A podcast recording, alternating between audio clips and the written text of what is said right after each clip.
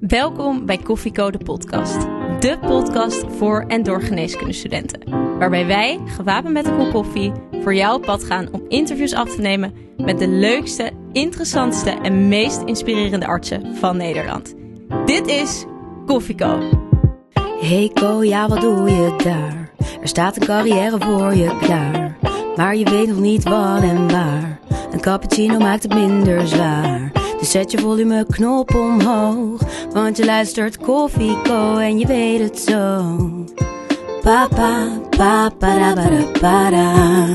Ja, leuk dat jij weer luistert naar Koffieko de podcast, de special. Wij zijn Benjamin. en Mare en vandaag bij ons de gast professor dokter Schelto Krijf, oncologisch chirurg in het UMC Groningen. Ja, beste dokter Cruijff, van harte welkom bij ons in de podcast. Vandaag gaan we het hebben over de decentrale selectie van geneeskunde. En daar schreef jij een eh, paar maanden geleden een artikel over eh, voor het Medisch Contact. Genaamd Deze zesjesdokter mag zo mijn moeder opereren. Loten was zo gek nog niet. Waarom heb je toen naar tijd dat artikel geschreven? Ja, eh, dank voor de uitnodiging ten eerste. Hartstikke leuk. Ja, dat ging over, en daar heb ik nog speciaal toestemming eh, aangevraagd over de desbetreffende jongen, over wie dat gaat. Dat is namelijk eh, Tom. En ehm, ja, die vertelde mij dat hij ehm, ja, vroeger eigenlijk op school helemaal niet zo goed was. En ook dat hij was blijven zitten en uiteindelijk met moeite, met zesjes, zijn eindexamen had gehaald. En wat mij opviel eigenlijk was dat Tom een hele prettige dokter was, een chirurg in opleiding en ehm, ook heel rustig. Alle mensen op de operatiekamer waren heel blij met hem, maar ook in de spreekkamer. De patiënten reageerden positief op zijn eh, gedrag. En toen dacht ik, hé, hey, dat is toch raar dat iemand ehm, die zoals Tom is, vandaag zeer waarschijnlijk geen dokter meer zou worden. En dat dacht ik bij mezelf, volgens mij is dat niet goed. Dat is de aanleiding. Om het probleem te schetsen, er zijn eh, minder dan 2800 plekken, eh, meer dan 8000 aanmeldingen voor de studie geneeskunde. Het is duidelijk, er moet een selectie plaatsvinden, want er is te veel animo. Eh, maar voordat we het gaan hebben over deze selectiemethodes, waren wij benieuwd, wat vind jij eigenlijk wat een goede dokter maakt? Ja, daar hebben vele commissies zich jaren over gebogen, over die vraag. Uh, en um, die is denk ik eigenlijk niet te beantwoorden, want op het moment dat ik begin met het antwoord, wordt die direct gekleurd door mijn eigen achtergrond, hoe ik ben en hoe ik tegen het leven aankijk. Dus ik denk eigenlijk, um, we weten allemaal wel dat er bepaalde domeinen zijn, zoals je dat tegenwoordig noemt, die dokters nodig hebben om te kunnen slagen. En ja, daar zijn een aantal van, zoals uh, kennis, sociale vaardigheden, stabiliteit, energie, uh, frustratietolerantie. En ik kan nog wel even door. Denk je dat die kwaliteiten al naar voren kunnen komen op een leeftijd van 17 of 18 als deze jongens of meisjes zich aanmelden voor de studie geneeskunde? Dat kan wel, uh, maar het is natuurlijk bijna niet iets waarvan je hoopt dat iedereen het al zou moeten etaleren op die leeftijd. Er zijn denk ik mensen vroeg volwassen en daar zou je het kunnen zien, maar je wenst toch iedereen rond die leeftijd nog uh, playing time toe, zeg maar. Hè, de mens uh, is een spelende soort. Wij leren spelende. Dus um, um, als wij van onze kinderen en onze jonge generaties vragen om dit al op hun 17 jaar te etaleren, dan denk ik dat dat uh, wel uh, de lat heel erg hoog legt. Je hoort ook wel vaak dat wordt gezegd. Mannen zijn, of jongens zijn laadbloeiers, die, die zitten op een zeventiende nog op het voetbalveld, terwijl vrouwen dan al wat meer bezig zijn met hun toekomst. In hoeverre beïnvloedt dat dan je kansen om toegelaten te worden bij geneeskunde? Ja, nou, ik ben blij dat jij die vraag uh, stelt. Um, en ik heb dat ook zo waargenomen. Maar dit zijn allemaal persoonlijke waarnemingen natuurlijk. Er is volgens mij, er, zijn, er is ook wel data over dit soort fenomenen. Um, en volgens mij mag je wel zeggen dat mannen uh, later tot volwassenheid komen. Um, maar ik denk dat dat heel veel invloed heeft. Als ik, ik kan dan alleen maar naar mezelf kijken. En dat is dan altijd het meest makkelijk. En uh, ja, ik had nooit daaraan voldaan rond die tijd. Ik was inderdaad een spelende leerder. En ik had ook, um, denk ik, uh, de kans ook voorbij laten gaan. Ik had denk ik gedacht, nou, als dat nu al moet, midden in mijn examenjaar, terwijl we in mei met z'n allen een leuke reis gaan maken als we het examen gedaan hebben, dan laat ik het aan me voorbij gaan. Ik ga nu niet meer verdiepen in osteoporose artikelen. Ja, want, want hoe is dat gegaan toen jij je hebt aangemeld voor de studie geneeskunde? Nou, bij mij is het sowieso uh, weer anders gelopen. Want ik wilde eigenlijk helemaal geen dokter worden. Dus um, ik kom zelf uit een artsenfamilie. En ik had eigenlijk uh, bij elke familiereunie dacht ik, nou, dit nooit. en waarom niet? Nou, ze zaten daar vaak allemaal te klagen over uh, ja, dat, wat er allemaal weer mis was en waar allemaal tekort aan was. En ik dacht, nou, het kan niet leuk zijn, dat moet je nooit gaan doen. Dus uh, ik wilde, ik was erg betrokken bij uh, nou ja, wat nu ook een groot probleem is, hè, de, de, de, het grote milieuprobleem. Dus ik, uh, ik wilde me, me daarin storten. Ik ben biologie gaan studeren. Mijn idee was om milieuwetenschappen te gaan doen. Niet als wachtstudie, dus wat veel mensen later dachten. En ja, toen ben ik dat jaar gaan doen en toen kwam ik erachter dat die studie dus niet paste bij de vaardigheden die ik heb. Dus dat is op zich best wel interessant dus je kunt een doel hebben, uh, iets heel graag willen. Maar dat betekent niet dat je geutilleerd bent, laten we zeggen, wat je in je gereedschapskist hebt uh, voor een vak. Hoe ontdekte je dan wat je in je gereedschapskist had? Want dat is ook altijd best moeilijk. Dat is heel erg moeilijk, ja. Ja, ja um, dat ontdek je uh, door eigenlijk de niet-studiegerichte dingen die, die ik deed. Ook belangrijk. Um, buiten de studie om in de sociëteit, in het studentenleven. Hoe mensen daar op je reageren. Als jij daar iets regelt, hoe mensen dat waarderen. Um, de feedback die je daarvan krijgt. En ik merkte bij biologie met name dat ik al die eigenschappen daar eigenlijk helemaal niet in kwijt kon. Um, en dat we heel erg de hele dag monomaan van 8 tot 6 in microscoop aan het kijken waren en eigenlijk weinig met elkaar communiceerden. En dat miste ik heel erg. Daar had ik echt actief last van. En was je toen nog steeds recalcitrant dat je dacht, het wordt absoluut geen geneeskunde? Of wanneer is dit dan uh, toch wel in de picture gekomen? Ja, ik heb altijd zeg maar een soort mengsel van uh, idealisme en pragmatisme. Uh, idealisme houdt het altijd even vol. En op het moment dat het niet meer wil, dan wordt de pragmatische mens wakker.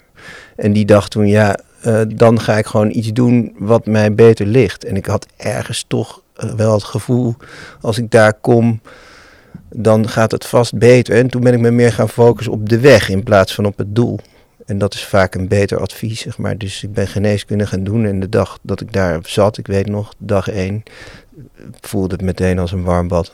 En hoe, hoe is die aanmelding toen de tijd gegaan? Kon je direct uh, beginnen? Of was er een lotingprocedure van tevoren? Ja, dus ik had uh, dan in januari was ik al door van nou dit biologie leven. Ik weet niet hoe lang ik dat volhoud.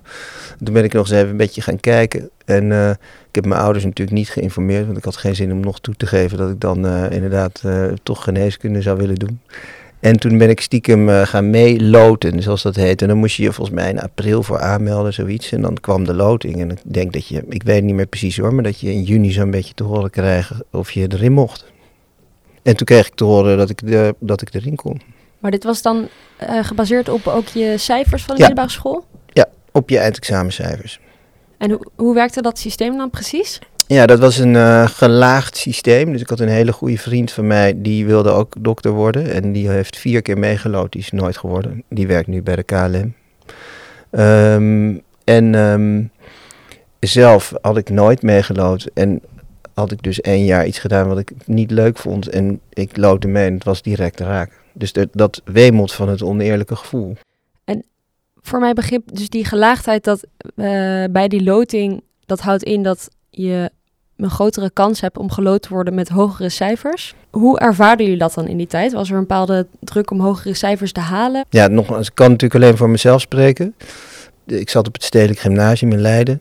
En ik dacht, nou, laten we eerst maar eens dat eindexamen halen. En dan zien we wel weer eens verder. En het was, daar hing niet een sfeer van haal maar zo hoog mogelijk. Er zullen ongetwijfeld wel mensen mee bezig geweest zijn. Daarom zeg je, je moet heel erg oppassen met dit soort antwoorden. Want je zit allemaal in je eigen wereld. Uh, maar dat was niet iets wat speelde of zoiets dergelijks. Wat vond of vind je ervan dat het eigenlijk te maken heeft met geluk in plaats van met de eh, drive om arts te worden?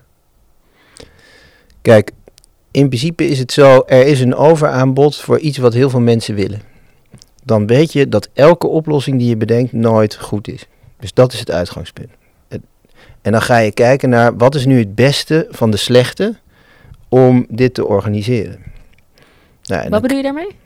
Nou ja, kijk, je hebt eigenlijk heel veel mensen die iets willen, maar je hebt maar zoveel werk, zoveel studie. Dus dan weet je dat elke oplossing die je bedenkt, die zal altijd tot teleurstelling leiden en ontevreden mensen. En dan ga je kijken naar het systeem wat het minst slecht is, denk ik. Dus ik denk ook dat dat het uitgangspunt moet zijn. Dus als je iets bedenkt en je zegt daarna, nou, we hebben een heel goed systeem en dit ehm, creëert de beste dokters, dan denk ik dat, je dan, uh, dat het aan bescheidenheid ontbreekt, zeg maar. Want je moet eigenlijk direct al toegeven met het bedenken van welk systeem je ook maar bedenkt, dat het eigenlijk nooit goed kan zijn. En eh, met die insteek moet je ook naar een ander systeem kijken, want er komt geen panacee. Er komt niets waar iedereen tevreden over is. Dat kan niet. Uiteindelijk werd in 2017 werd het lotingssysteem afgeschaft. Waarom was dat eigenlijk?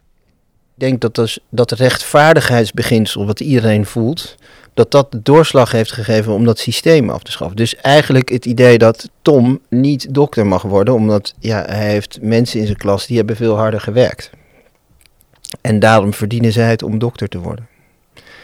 Maar de vraag is of de maatschappij daarmee gediend is. Want het gaat er uiteindelijk om dat wij stellen publiek geld beschikbaar. De studie geneeskunde is volgens mij de duurste studie.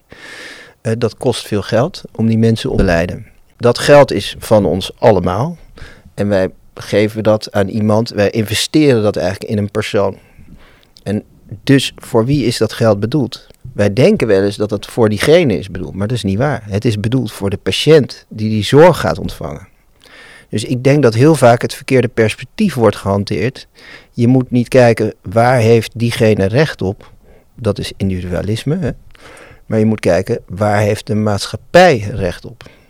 En dan moet je het ook niet hebben over individuen, maar over groepen. dus het gaat erom, ik gun jou je studie geneeskunde, ik gun jou je studie geneeskunde uiteraard. Maar het gaat erom, net als wanneer je ook wetenschap bedrijft, dat je kijkt naar de hele groep. Wat voor groep mensen willen wij hebben om de zorg in de toekomst te faciliteren. Maar en dan is de maatschappij ondertussen veranderd. En dat betekent dat die, wij willen toch meer een diverse vertegenwoordiging hebben in het doktersgilde. En wat je nu ziet is dat dit systeem dus er eigenlijk voor zorgt dat uh, de mensen die al kansrijk zijn, nog kansrijker worden eigenlijk. En ja, dat is de vraag of dat uh, een effect is wat we wilden toen we ermee begonnen. Selecteren is een ongelooflijk moeilijk iets. En eigenlijk op het moment dat je er al mee begint, ga je al de fout in, omdat je mensen uitselecteert die je eigenlijk wel wil hebben, hoe je die selectie ook toepast. Dus er zitten mensen eh, die hebben daar heel diep over nagedacht en die hebben er veel meer verstand van dan ik. Maar ik ben zelf uh, van mening dat wat het uiteindelijk, ook al hebben ze er heel goed over nagedacht, welk effect ik ervaar, en ik heb daar ook veel collega's over gesproken die dat ook zo ervaren, merken we dat we steeds meer een ambitieuzere populatie om ons heen krijgen, die heel hoog de lat leggen en waarvan we ons wel eens afvragen, is dat duurzaam en kun je daar een heel leven op door? Want tot je 67ste moet je, heb je zo'n witte jas aan. Je moet natuurlijk niks je mag stoppen als je geen zin meer hebt. Maar de insteek van de opleiding is dat we die investering doen, zodat we daar uh, langdurig wat aan hebben. Want er zijn nu dus al een aantal jaren co-assistenten die door middel van die decentrale selectie, bij jou waarschijnlijk ook co-assistent zijn of zijn geweest. Merk je dan een verschil tussen die co-assistenten die een decentrale selectie hebben gehad of co-assistenten die via de loting zijn binnengekomen? Zit daar een verschil in? Ja, dat ehm, ehm, is natuurlijk best moeilijk, want het wordt een beetje suggestief uh, nu. Of kan het worden. Um, ik heb het gevoel dat ik het merk. En ik spreek ook mensen die ook dat gevoel hebben. Maar dat is natuurlijk uitermate subjectief allemaal. Dat, dat er eigenlijk eh, mogelijk wat gebrek aan relativeringsvermogen is. Want en dat lijkt me ook het meest objectieve deel en het meest logisch. Want als jij ergens bij komt te horen, omdat je er heel erg hard voor hebt gewerkt. En je hebt er nog een bepaalde toets voor gedaan. En je bent nog naar een of ander kantoortje gegaan waar ze jou voor enkele duizenden euro's helemaal preppen om dat te doen. Ehm, en je wordt het uiteindelijk.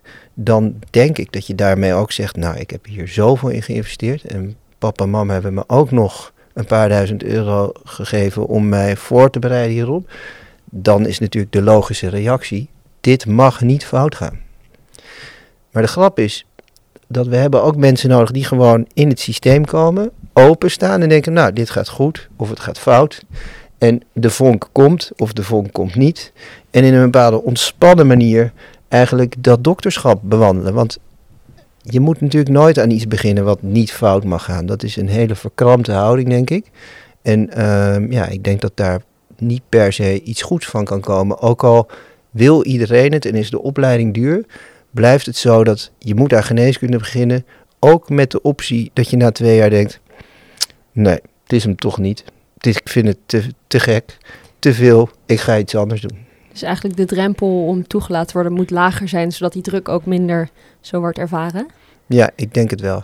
En ja, Vrouwen Fortuna is ehm, keihard. Dus ehm, ja, in principe ehm, ja, is daar geen. Je selecteert niet meer. Het is gewoon het toeval. Ja, en, daar, en daarmee zeg je dus ook indirect, dan sluiten we degenen die het meest gemotiveerd zijn, misschien wel uit, omdat die dus simpelweg via een loting um, niet meer toegelaten kunnen worden.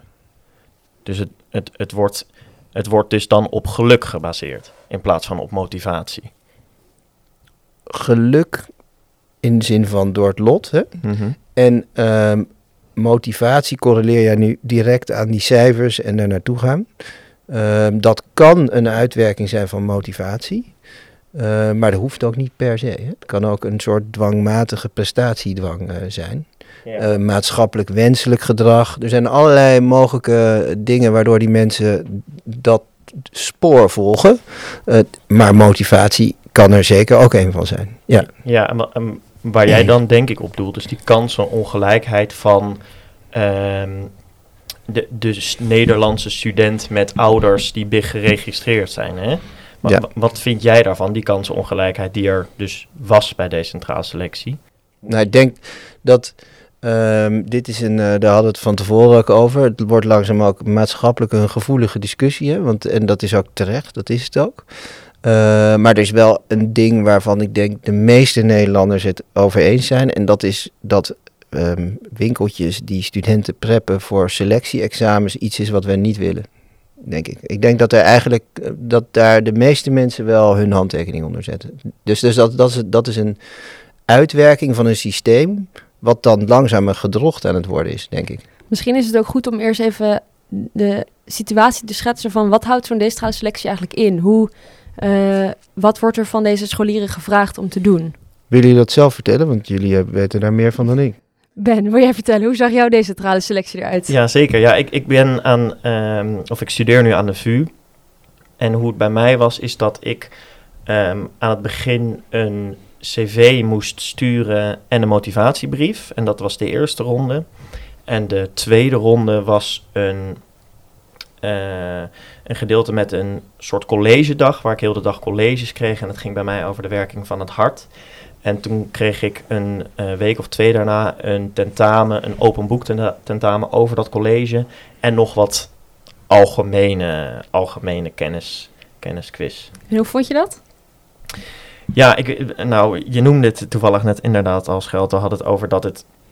Bij mij was het dus tijdens mijn periode voor mijn eindexamen. En ik weet wel dat het, het gaf wel wat stress. Ik moest wel keihard daarvoor uh, voor leren. En om ook terug te komen op die kansenongelijkheid. Ja, ik heb um, twee Nederlandse ouders en die hebben mij wel mijn motivatiebrief twee keer nagelezen. Ik weet, en jij studeert aan de UvA, Mare. Hoe was dat bij jou? Um, ik moest uh, twee toetsen maken. Dus een kennistoets uh, waarbij we dan colleges kregen en een boek over malaria was dat. Uh, en dan werd er dan gewoon werden er feitjes erover getest, gevraagd. En een algemene kennistoets. En dan als je het supergoed had gedaan, dan kon je in één keer door, was je toegelaten. En als je het heel slecht had gedaan, dan viel je af. En als je in de middengroep zat, dan ging je door naar de volgende ronde. Daar zat ik in, in de middengroep. Dus ik ging daarna eh, naar een soort, ging ze kijken hoe jij, eh, ja, hoe jij situaties oplost. Dus ik had drie casussen die je ter plekke kreeg. En, ik moest, eh, en dan had je een simulatiepatiënt. En dan moest ik één keer een patiënt overtuigen om haar diabetesmedicatie te slikken. Ik moest één keer een patiënt vertellen dat, eh, ja, dat hij een ziekte had gekregen. En ik moest één keer een soort een MDO leiden. En dan werd je door drie beoordelaars werd je dan, eh, ja, werd gekeken hoe jij dat dan aanpakte. En dan op basis daarvan kreeg je uiteindelijk je, ja, je lotingsnummer. Ja, wa- wa- want wat vind jij daar dan van bijvoorbeeld die optie van gesprekken voeren? Is, is dat een, een mooie misschien tussenweg? Hè? Want dan kijk je hoe iemand is en hoe iemand functioneert.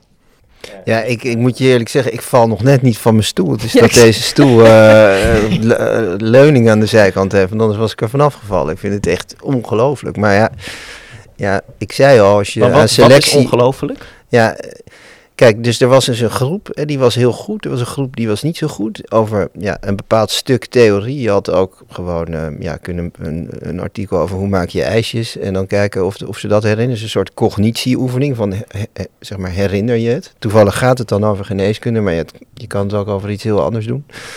Ehm, en dan ehm, vervolgens zijn sommige mensen heel goed in dat onthouden. Nou, dat die mensen er zijn, dat weten we al. Hè, want er is in het opleidingssysteem daarvoor al aandacht aan geschonken. Die zijn continu al bevestigd van 8, 9, 8, 9. Dus ja, vraag de cijfers op. Je haalt ze zo uit, hoef je die testing niet voor te organiseren.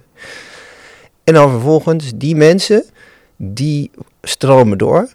En de middengroep, die moet eh, communicatievaardigheden tonen. Ja, dat vind ik toch wel uitermate opvallend, zeg maar. Want ja, ik zou zeggen, ehm, laat iedereen inderdaad, zoals jij zegt, communicatievaardigheden tonen.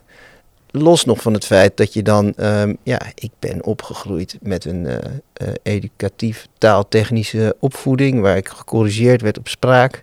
Ja, dan kom ik daar natuurlijk heel goed uit de verf. Dus dan is het nog steeds niet eerlijk. Dus ik wil maar even aantonen, het blijft een hele lastige zaak. Wanneer jij gaat selecteren, hoe je dat gaat eh, aanpakken. Ik las dat in Ierland eh, ze ook doen aan motivatiebrieven schrijven en cv. Maar dat wordt dan allemaal gewogen in eh, het milieu waarin je opgroeit. Zou jij zoiets zien zitten? Dus dan wordt eh, je, je achtergrond, inderdaad wat je ouders doen, dat wordt dan allemaal meegewogen in de selectieprocedure. Ja, dat is, eh, wij noemen dat in de medische wetenschap in onderzoek ook wel postcodeonderzoek. Hè? Dus je kunt op postcodes kun je kijken eh, wat voor wijken mensen wonen.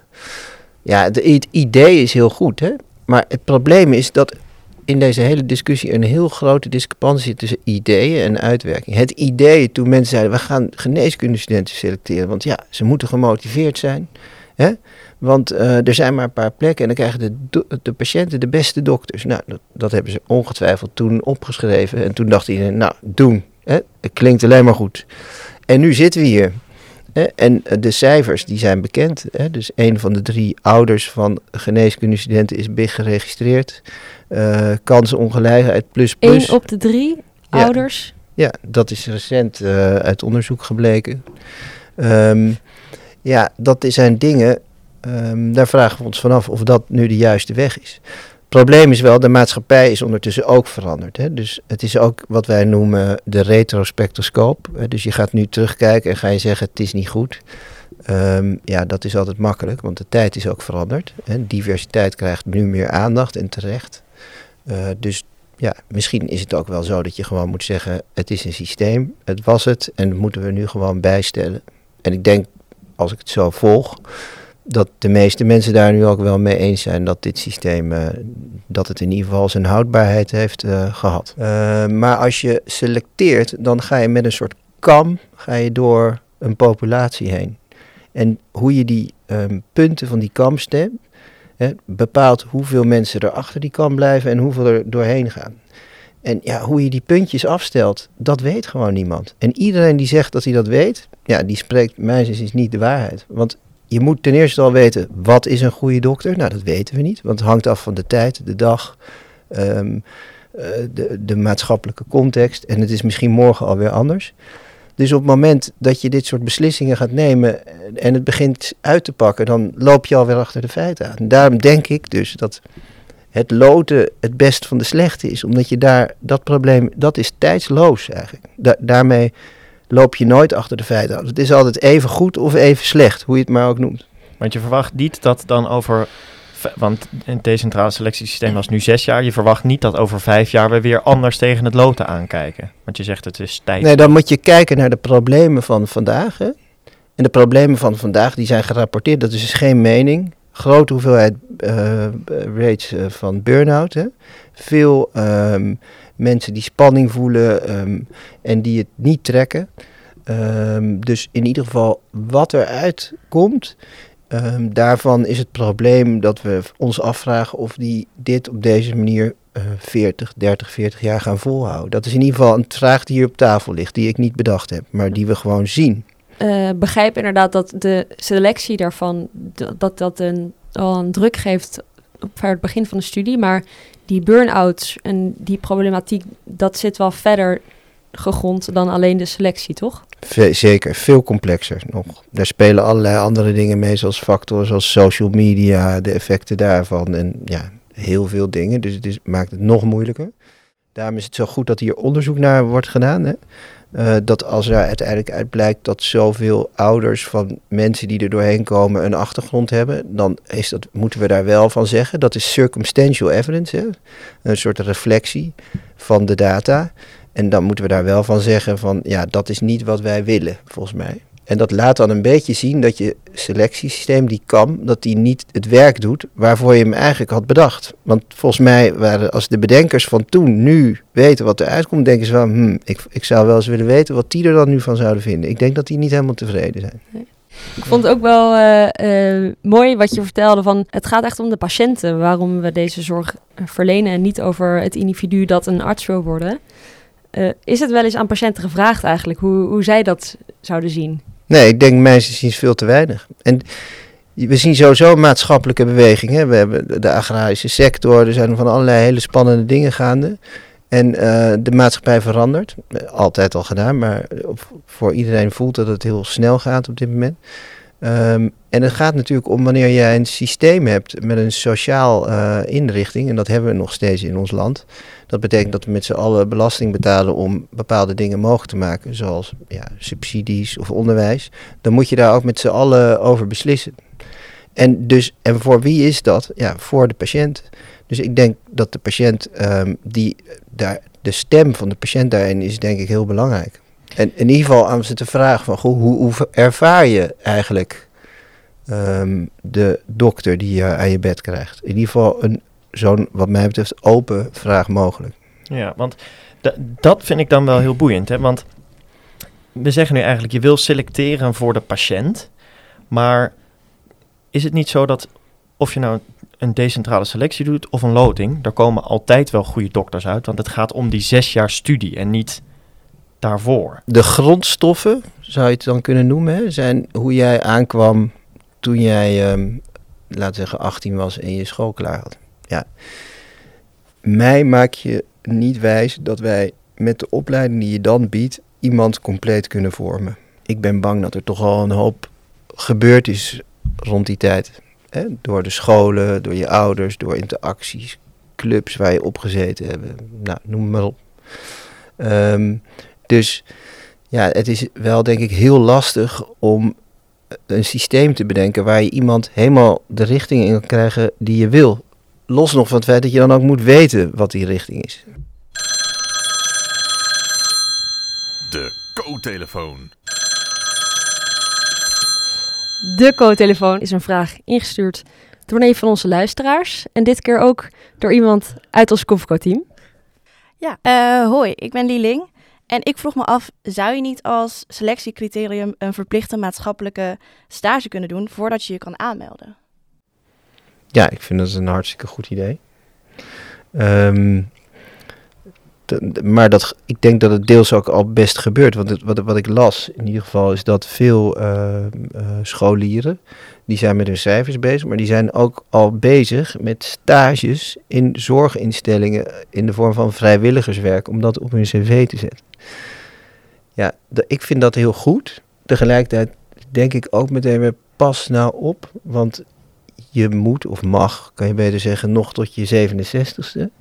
Ehm, en speel. Eh, Als jij dan zegt, ik vind het het meest interessant om te helpen in een bejaardenhuis bijvoorbeeld, dan moet je dat doen. En maar ik vind niet per se, ondanks dat je aan die bagage zeker wat hebt, dat diegene een betere kandidaat is dan diegene die ervoor kiest om een week te kamperen op camping Appelhof.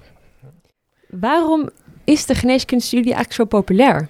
Je hoort allemaal verhalen in het nieuws. Inderdaad, de burn-outs, we het al besproken. Eh, de plekken kunnen niet vervuld worden op bepaalde posten. Waarom, waarom wil iedereen geneeskunde gaan studeren? Ja, ik denk dat het komt omdat mensen ehm, toch ergens een beetje ijdel zijn. Ehm, en ze willen graag andere mensen redden. En als ze dat doen, dan voelen ze zichzelf toch een beetje beter. Eh, dan denken ze, nou, het is mijn dag weer de moeite waard geweest. Ehm, en dat is niet per se verkeerd.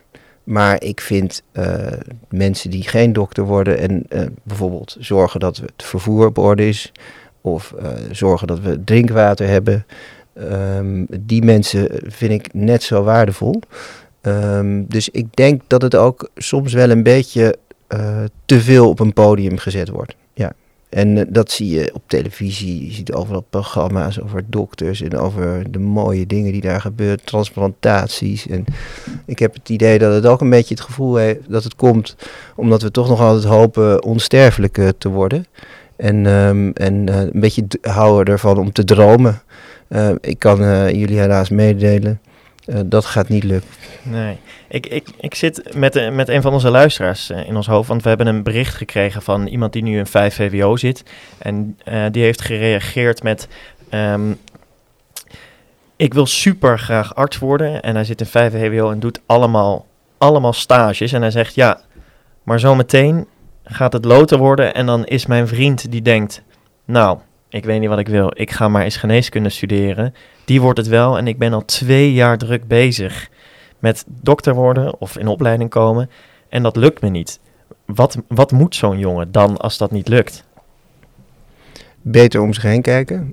Even de oogkleppen afzetten. En ook eh, naar andere dingen kijken die er in de maatschappij gebeuren. Ehm, ik zie dit soort mensen veel. En ik veroordeel het ook niet, want ik vind het heel gaaf als je een ambitie hebt. Maar even uitzoomend, en ik zei al dat ik me daar aan ging blijven houden, en dat blijf ik ook doen. Het gaat er uiteindelijk om wat wij voor de patiënt eh, te bieden hebben. En dat betekent dus dat er gewoon grote groepen mensen teleurgesteld worden. En diegene die met zesjes zo pardoes wordt ingelood, dat is een beetje ons angstbeeld. Maar dat was dus waarom ik ook de blog heb geschreven. Want daar kan ook een soort ontspanning van uitgaan. Dat je denkt, oh grappig, ik ben ingelood. En eh, daar kunnen zomaar he- hele parels van dokters uitkomen. Eh, Dus het gaat er niet om, wij hebben een soort rechtvaardigheidsbeginsel waar wij aan lijden. Dat is hard werken, leidt tot succes. Beetje een soort American Dream-achtig syndroom. Ehm, maar het is helemaal niet per se zo dat, dat het leidt tot betere dokters. Het kan, de kans is misschien ook wel groter, maar het hoeft helemaal niet. En dan is de conclusie inderdaad dat het individu dan leidt onder het geheel. Want dan Nou ja, heeft zeker tegenwoordig is het zo dat ook tijdens de corona... er zijn allerlei maatschappelijke problemen... waardoor we plotseling dokters nodig hadden die heel veel wisten van ICT. Nou, moeten we dan nu allemaal dokters gaan opleiden die straks een jaar ICT gaan doen? We moesten in één keer allerlei filosofische gedachten hebben van... wat is eigenlijk het moeite waard? Wat is belangrijk in het leven? Moeten we dan allemaal ook heel veel van filosofie weten? Het houdt nooit op. De maatschappij verandert de hele tijd. En daarom is een gevarieerde genenpool van dokters het beste...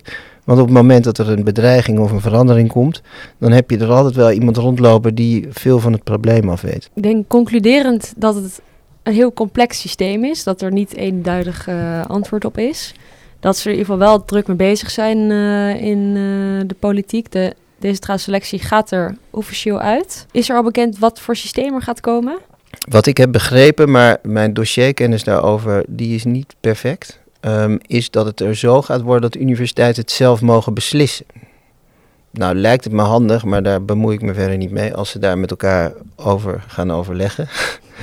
Want anders krijg je hele rare stromen in het land, denk ik. Eh, als ik een beetje naar jullie kijk. Eh, ehm, omdat mensen natuurlijk dan eh, ja, ergens naartoe gaan waar ze het meeste kans hebben. En dat is ook, begrijp ik ook heel goed. Dus volgens mij is het zo dat ze het zelf eh, mogen beslissen. Maar ik denk, mede gesterkt door het gesprek ook wat we nu weer gehad hebben. Hoe minder selectie aan de poort, eh, hoe minst slecht het is. Ja, en dan heb ik daar direct een vraag over. Het minst slecht. Eh, stel jij mag morgen beslissen hoe ze in Groningen de selectieprocedure slash loting gaan doen. Hoe wil je het dan inrichten? Ik zou zijn voor alles loten. Iedereen loopt, het maakt niet uit Ja. of je negens hebt, stages, Ja. gewoon. En getra- wel getrapt. Ja, dat, dat vond ik wel eerlijk. Ik kon ook als eh, scholier wel accepteren dat ik eh, met eh, zesjes en zeventjes minder kans zou hebben. Maar wel een kans. Wel een kans. Want een VWO-diploma is een VWO-diploma. Dat zegt, eh, zeggen de onderzoekers uit Groningen ook. Het is met een VWO-diploma moet je gewoon een goede kans hebben om dokter te kunnen worden. En dat is al een prachtig diploma. Dus waarom moet dat dan allemaal nog veel meer? Als je nog veel meer hebt, nou mooi, dan maak je iets meer kans. Ehm, maar gelaagd loten zou ik zeggen. En probeer niet te selecteren, want het is sowieso houd, niet houdbaar voor de tijd. Eh, op het moment dat je het bedacht hebt, is het al achterhaald. En ik wou nog één ander ding zeggen wat belangrijk is. Dat hebben we misschien nog te weinig benadrukt. Wees blij dat er zoveel mensen dokter willen worden. Want eigenlijk is het zo dat dat bepaalt dat er sowieso goede dokters komen. Omdat het aanbod heel groot is. Dat hebben wij binnen de opleiding chirurgie ook. Twee keer per jaar wordt er gesolliciteerd. Veel tranen op het moment dat er weer mensen niet zijn geaccepteerd. Maar die ehm, mensen die dragen bij aan het feit dat wij goede collega's kunnen selecteren. Het zou een veel groter probleem zijn als we vijf plekken hebben en er staan in één keer drie mensen voor de deur.